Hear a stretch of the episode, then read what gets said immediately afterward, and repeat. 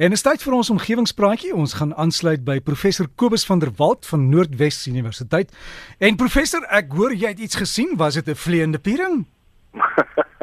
môre Derek, môre al ons omgewingsvriende.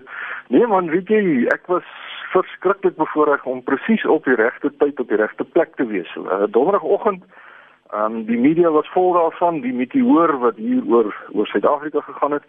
Nou ek is deel van 'n groepie vriende wat uh drie keer 'n week gaan fietsry en uh kollega professor Pieter Kreer uh, hy is toevallig die nuwe sportsielkundige van die Springbokke dis hoekom hulle so goed doen deesdae. En dan ook Wim Viljoen uh, hy is hier by PSG in Potchefstroom 'n finansiële kenner. Uh die bekende dokter Pieter Henning uh 'n tandarts van Potchefstroom en ek self. Nou omtrent 10:06 donderdagoggend was ons so 3 km suid van Potchefstroom op ons fietsie besig om om in 'n suidelike rigting te ry toe die meteoor, die pragtige vuurstreep reg voor ons het dit gevoel of dit maar 'n paar kilometer van ons af is. Um omtrent so 30 grade bo kan die horison uit 'n uit 'n westelike rigting ooswaarts be, beweeg het en dit was seker 'n 5-6 sekondes lank wat ons die pragtige vuurstreep kon sien. Hy was eers uh, was hy blink en toe hy rooierig geword en toe groenerig soos wat die verskillende gasse nou in die atmosfeer uh, ioniseer. Hy het ook op 'n stadium opgebreek want ehm um, so 'n uh, meteoor is natuurlik 'n asteroïde uh, buitekant die atmosfeer van die aarde, dis maar net 'n stuk gesteente, 'n klip wat daar buite ronddryf.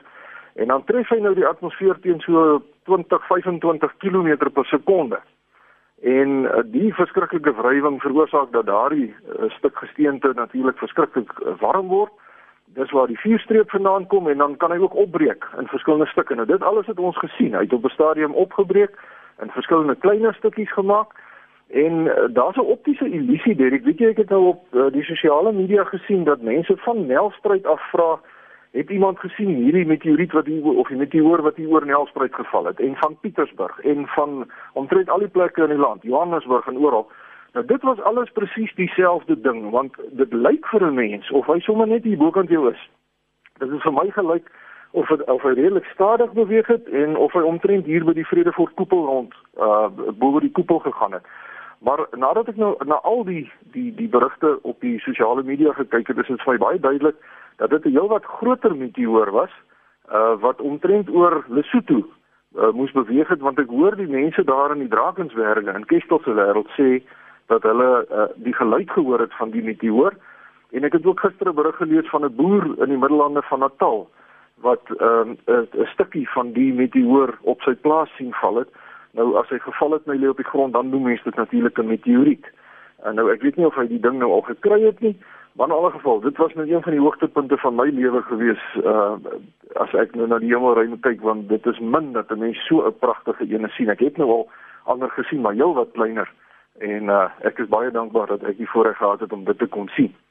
Maar nou ja, kom ons kyk na uh, gou na ander goeters uh, oor die omgewing deur ek ek het 'n uh, klompie briewe wat ek graag wil behandel vanoggend.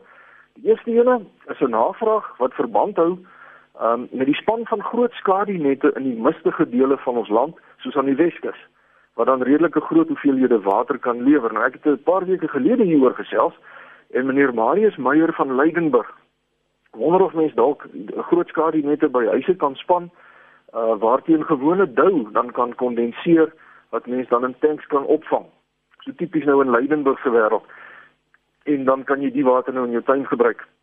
Nou baie dankie vir die navraag meneer Meyer en die antwoord is ongelukkig negatief want dou kondenseer op horisontale oppervlakke terwyl die skadinette wat nou langs die Weskus in die mis gespan word regop staan.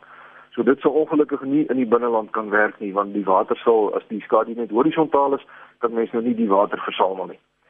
Die volgende twee briewe Dirk uh, wat ek ontvang het hou verband met verlede week se onderwerp naamlik om tankskepe te gebruik om varswater van die Kongo rivier af na Kaapstad toe aan te ry. En meneer Duif Gabet vertel dat die Oos-Kaap gedurende die 1950s deur 'n soortgelyke waterkrisis gegaan het as die huidige krisis in die Kaap. En die destydse burgemeester van Oos-London het toe gereël dat water vanaf Durban na Oos-London toe aangery word met tankskepe. So dis nie 'n nuwe idee nie en die werkbaarheid daarvan is al voorheen bewys. Baie dankie vir daardie inligting, meneer Dave Gabet. Dan die derde brief vanoggend kom van 'n ou vriend van my, eh, meneer Christe Brein, wat vra wat van die idee geword het om ysberge in die suidelike see naby Antarktika te gaan vang en die goed dan na Kaapstad toe te sleep en te gebruik as varswaterbron.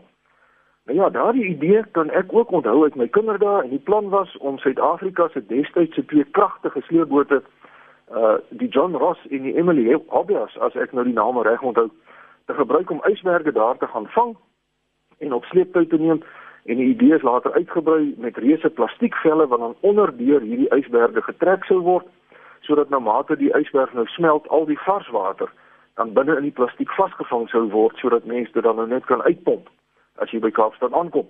Maar die onvoorspelbare see toestande hier in die Suidelike Oseaan, asook verskeie tegniese probleme daaraan verbonde het veroorsaak dat daar mettertyd afgesien is van daardie idee. Dan die vierde brief vanoggend kom van mevrou Gerry Lamprechts van die strand.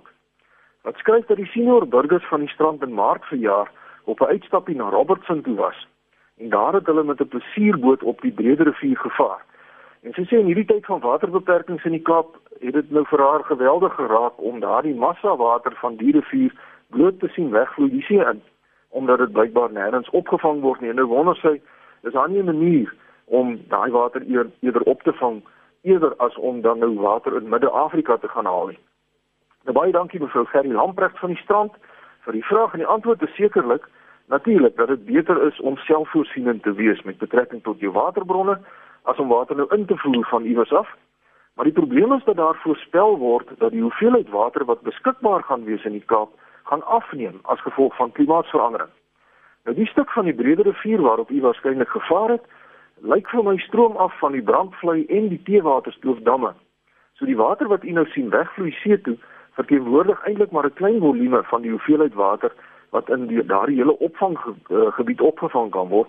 Maar nou met die voorspelde afname in die reën in die Wes-Kaap, wonder ek of dit 'n goeie idee is om nog damme te bou. Want as dit nie reën nie, gaan die nuwe damme ook maar leeg staan. Ek is geneig om eerder te konsentreer op alternatiewe bronne van water wat die beskikbare hoeveelheid dalk gaan verhoog en nie net die bietjie wat daar nou reeds is gaan probeer opdam nie. Net 'n kant aantekening oor verlede week se idee Derek om die tankskepe te gebruik om water nou vanaf die Kongo rivier aan te ry na Kaapstad toe. Ek het die afgelope week met drie van my senior kollegas hier by die pik gesels en ons konsensus is dat die idee genoeg meriete het sodat dit verdere ondersoek regverdig as deel van 'n meestersgraadstudie. So die bal is aan die rol en ek sien met verwagting uit na die uiteindelike resultate. Hierdie kan dan eindig vir oggend se praatjie met 'n bydrae van meneer Willem van Staden van Ashton. En hy het vir my 'n stukkie aangestuur wat geskryf is deur ene Jeff Lawton, 'n spesialis in permakultuur. En Jeff sê dat ons eintlik omtrent 600 jaar agter is as dit kom by die hantering van water. Hy sê dat vir die afgelope 5 jaar dele van Indië besig is om al droër te word, maar een area in Karnataka het die probleem oorkom deur gebruik te maak van tegnieke wat gedurende die middeleeue in die destydse Persiese ryk ontwikkel is. Nou diep onder die grond in suidelike Indië is daar 'n reuse netwerk van tonnels wat gedurende die 15de eeu met die hulp van Persiese ingenieurs en Indiese werkers met die hand uitgekap is. En die funksie van die tonnels is om grondwater te versamel. Die tonnels verbind omtrent 100 putte met mekaar en die hele netwerk dien as 'n tipe ondergrondse versamelpunt vir grondwater.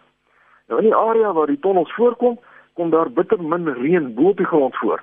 Maar die putte en die tonnelnetwerk voorsien dwars deur die jaar genoeg water vir die mense wat daar bly. Baie dankie meneer Willem van Staden van Ashton vir daardie interessante bydrae en ek gaan dit definitief met my geohidrologiese kollegas bespreek. Dit is daarmee is my tydjie vanoggend om. Baie dankie vir al die briewe en uh, alles wat ek ontvang van ons omgewingsvriende en almal is welkom om my te kontak by kobus.vanderwalt by nwu.ac.za of jy kan maar net soek na omgewingspraatjies se blad op Facebook. En daarmee wens ek julle almal 'n heerlike lang naweek toe. Vriendelike groete tot 'n volgende keer. Professor, alles in die beste en dankie vir daai stories oor die water en ek wil net gou seker maak jou e-posadres is kobus.kaan hè. kobus.vanderwalt by nwu.ac.za en anders op Facebook soek net vir omgewingspraatjies.